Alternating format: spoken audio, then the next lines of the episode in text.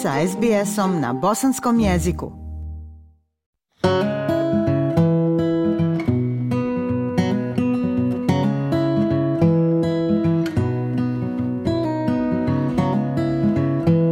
Slušate SBS program na bosanskom jeziku.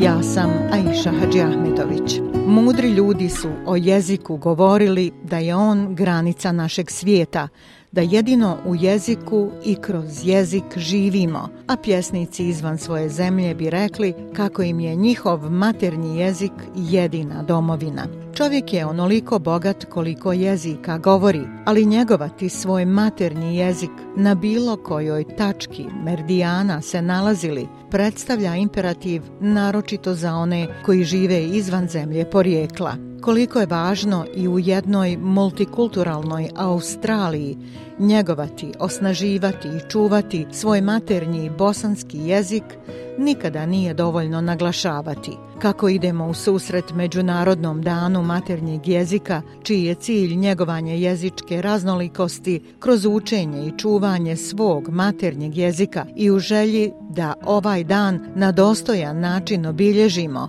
razgovaramo sa nastavnicom bosanskog jezika u Adelaidu, gospođom Dženanom Draganović-Anvar. Dženana, srdačna dobrodošlica u SBS program na bosanskom, jako se raduje zahvaljujem vašem gostovanju. Aisha, hvala vam puno na pozivu. Ja se radujem što sam danas vaš gost. Već nekoliko godina predajete bosanski jezik srednjoškolcima u Adelaidu koji su u 12. razredu izabrali bosanski jezik kao jedan od izbornih predmeta. Do sada ste izveli nekoliko veoma uspješnih generacija. Vaši učenici su ostvarili dobre rezultate na maturskom ispitu. Recite nam više o radu bosanske škole u Adelaidu ili bolje možda da formulišem kako se uči bosanski jezik u Adelaidu. U Adelaidu mi imamo dvije, dvije škole u kojima predajemo bosanski jezik. Jedna je škola koja je pri islamskoj zajednici koju zovemo Bošnjačka etnička škola i to je škola koja subotom održava nastavu za učenike. Trenutno imamo upisano 25 učenika koji redovno dolaze i to su uglavnom učenici mlađe uzrasti, um, od prilike do sedmog razreda, dok u School of Languages koja je u stvari državna škola koja nudi jezike zajednica, znači svih zajednica koje su, ili većine zajednica koje su zastupljene na Adelaidu, tu imamo bosanski jezik gdje dolaze učenici srednje školskog uzrasta. Ta se nastava održava jednom sedmično i to je nastava koja u stvari se smatra redovnom nastavom kao školski predmet gdje učenici isto tako mogu da uzmu bosanski kao predmet za svoj eh, takozvani sejs, odnosno kao svoj predmet za maturski ispit. Da, kao izborni predmet. Tako je.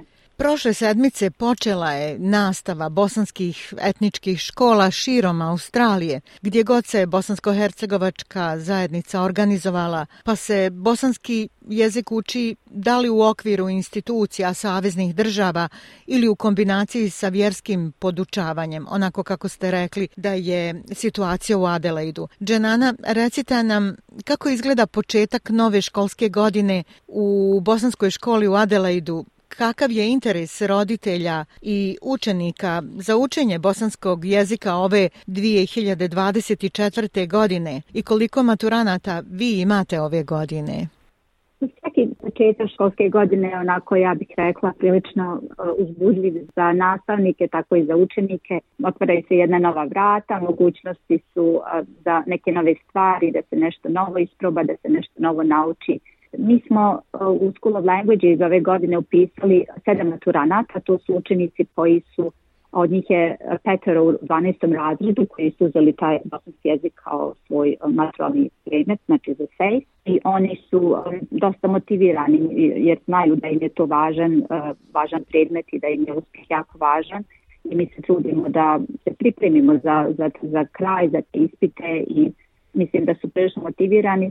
Pritom um, ja bih htjela reći da je u stvari najveći trud, ako sam reći, na roditeljima koji su svoju djecu praktično podigli do, do tog uzrasta da mogu već tako dobro da, da učestvuje na nastavi da tako uspješno postižu te rezultate. Znači, ja bih rekla da je najviše to njihovo znanje rezultat truda njihovih roditelja i okruženja u kojem su oni odrastali ili odrastaju. Naravno da se mi trudimo u školi da to da damo tome jedan formalni oblik, znači da ih pripremimo za te ispite, da oni e, produbimo njihova znanja o raznim temama, da su osobni da daju um, svoje mišljenje, odgovore, razmišljanja, da diskutuju o nizu različitih tema koje možda oni u svom nekom porodičnom okruženju ne bi imali potreb da o njima raspravljaju, ali ipak taj osnov neki je zaista u principu nekako, da kažem, rezultat njihovog tog odrastanja uz, uz roditelje koji ih podržavaju da, da govore bosanski jezik i da uče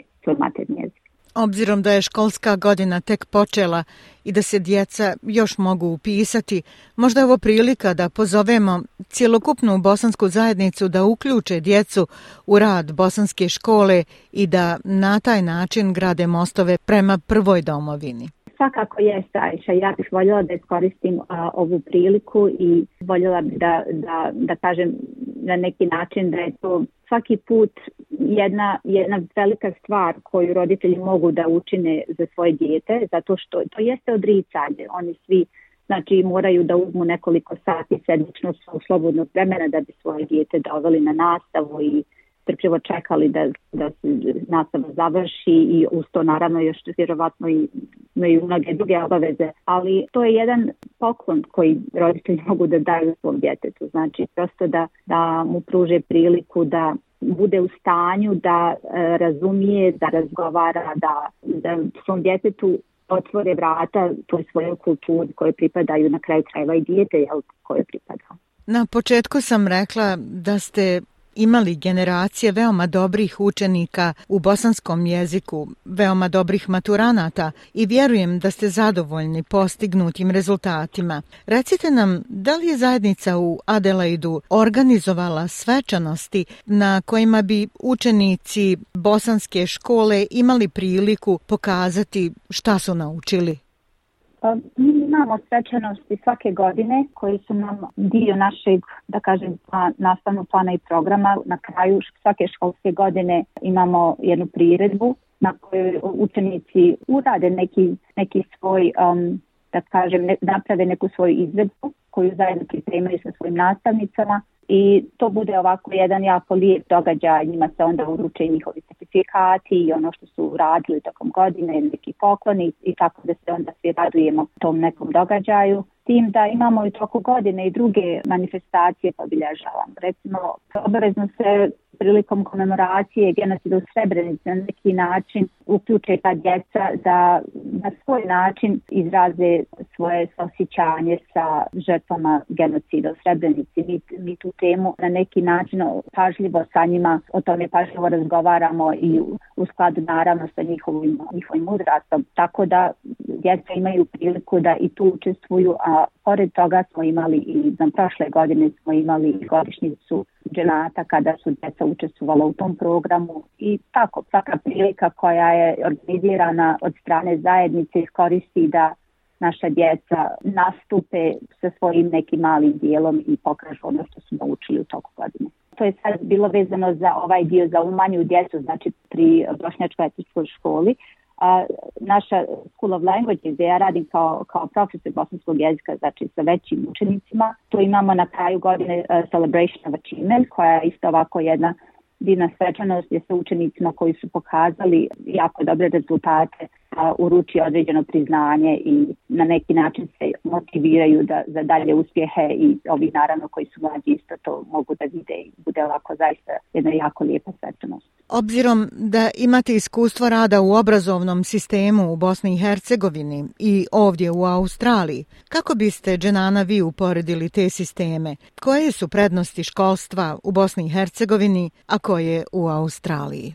Ja smatram da ovo pitanje E, nije baš lako odgovoriti, da budem iskrena. To dosta zavisi od toga o kojim školama razgovaramo i da li je u pitanju osnovno obrazovanje ili srednje obrazovanje ako je pitanje srednje obrazovanje, koja vrsta škole i tako dalje. Ja mogu samo možda generalno reći da istaknem neke stvari koje su meni onako bile zanimljive kada sam ja došla u Australiju da, da radim i kada sam počela da radim kao nastavnik. Ja definitivno smatram recimo da mi u Bosni imamo jednu tendenciju da od učenika očekujemo da uh, usvoje jedan dosta velik obim informacija i, i činjenica koje u svakom slučaju doprinose nekom općem obrazovanju svakog pojedinca, bez obzira na sklonost. Što u Australiji je možda, kad je pitanje bar srednje obrazovanje, mislim da je pristup malo drugačiji, tu se više radi, kako bih rekla, možda na razvijanju analitičkih sposobnosti u smislu da se da, da učenici budu vješti u interpretaciji tekstova. Možda kad je pogotovo u pitanju jezik,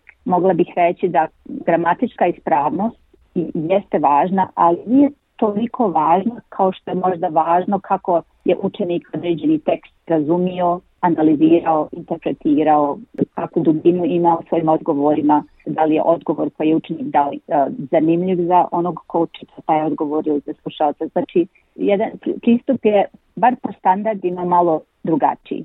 I da budem iskrena, to je za mene isto bio jedan e, proces učenja i još uvijek jeste, gdje ja na neki način kao nastavnik prilagođavam tom sistemu. A uporedo, i jedan i drugi sistem se razvija. Znači, oni nisu statični. Jedan i drugi sistem, i bosanski, i bosanski školski sistem, i australijski, svake godine doživljava određene promjene i možda je meni sad iz ove perspektive teško govoriti o bosanskom školskom sistemu kojeg poznajem ja unazad možda do prije 10 godina ili tako. Znači, ja bih rekla generalno da je jedan i drugi sistem ima svoje i prednosti za ostatke i meni je, meni je drago da sam imala priliku da doživim jedan i drugi čisto da napravim neku mješavinu svom pristupu koju ja smatram da je najbolja. Jedan savršeni sistem edukacije.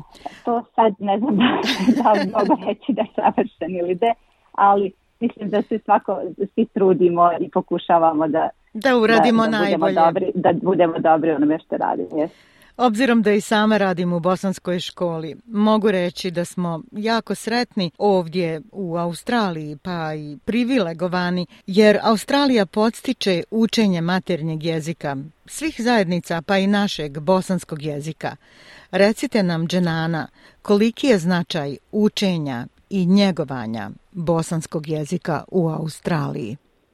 Prvo ću reći da se slažem s vama apsolutno, a što s obzirom da mi nismo velika zajednica. Evo, na primjer u Adelaide-u, u poređenju sa drugim nekim zajednicama koje, koje tu žive, mi imamo relativno malo govornika bosanskog jezika. Međutim, tu je ipak velika podrška strane vlade da se, taj, da, da se učenicima pruži prilika da uče taj jezik. Samim tim što recimo uh, postoji organizacija koja se zove Community Language School koja daje određene koji ima određeni fond za škole koje su etničke škole i oni znači, na taj način podržavaju rad tih škola. A, s druge strane imamo tu School of Languages koja je u stvari državna škola koja isto tako, iako imamo mali bročnika koji se upisuju, oni su svake godine nama pružaju priliku da mi uh, upišemo te učenike i da im damo priliku da uzmu bosanski jezik kao svoj, kao svoj predmet u školu. Znači, to je jedna velika privilegija i mi, svi koji govorimo, govornici bosanskog jezika, bi zaista trebali da budemo svjesni toga i da to maksimalno iskoristimo. Jezik treba očuvati, to je naša je naše naslijeđe, to je dio naše kulture i mi moramo se truditi da koristimo tu mogućnost koja nam se pruži i da jednostavno najbolje ćemo to tako što e, učiniti tako što ćemo djecu svoju učiti tom jeziku. To je ponekad se čini iz, kao jedan izazov u okruženju gdje se govori, na primjer, engleski jezik kao ovdje kod nas, ali naša djeca, i ne naša, nego sva su djeca jako sposobna da usvoje više od jednog jezika. I to je jedna, jedan poseban dar koja djeca pogotovo manjeg uzrasta imaju i njima to treba omogućiti ako roditelji znači, znaju govori bosanski jezik onda je zaista treba da bude njihov, njihov imperativ, treba da im bude, imaju veliku motivaciju da se svojim djecom govore taj jezik od kuće, jer oni će svakako engleski jezik da savršeno savladaju zbog okruženja u kojem žive i zbog činjenice znači da odrastaju u zemlji gdje se govori engleski jezik. I u tom smislu šta biste poručili našim slušaocima? Pa ja bih poručila dvije stvari. Poručila bih roditeljima da u svakodnevnom govoru svjesno sa svojom djecom govore na svom jeziku i, i, i ponekad kad se čini da je teško i ponekad kada se čini da djeca ne razumiju i postoji način da im se objasni isto na bosanskom jeziku značenje neke riječi ili da im se nešto pokaže ili da im nešto se dočara pa čak i nacrta pa nekad da se nešto i otpjeva i da se priče čitaju na bosanskom jeziku znači jednostavno da u svakodnevnom životu bosanski jezik bude prvi jezik koji se govori kod kuće. Drugi moj savjet je ako roditelj ima mogućnost da upišu svoje dijete u školu gdje se uči bosanski jezik i da se na neki način to e, da, da im se da taj neki formalno, to formalno znanje koje možda kod kuće ne imali priliku da steknu ili, ili jednostavno nema, nema ni razloga da roditelji neke stvari uče s djecom, ne, ne bi bilo u situaciji, ne bi imali vremena. Znači da im se da e, jedno formalno obrazovanje već ako imaju priliku. I mislim da je jedan pozitivan stav na poštovanje prema svom kulturnom nasljeđu, prema onome šta smo i ko smo, da je to, da je to najvažnije u svemu.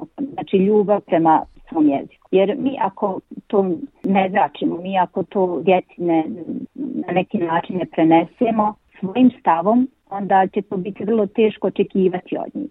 S druge strane, ako mi pokažemo da nas zanima, da, da nas interesuje, ako čitamo na bosanskom jeziku, ako gledamo emisije na bosanskom jeziku, ako razgovaramo sa porodicom, prijateljima na bosanskom jeziku, onda ta naša djeca mogu tu takvu vrstu ponašanja isto da nauče od nas.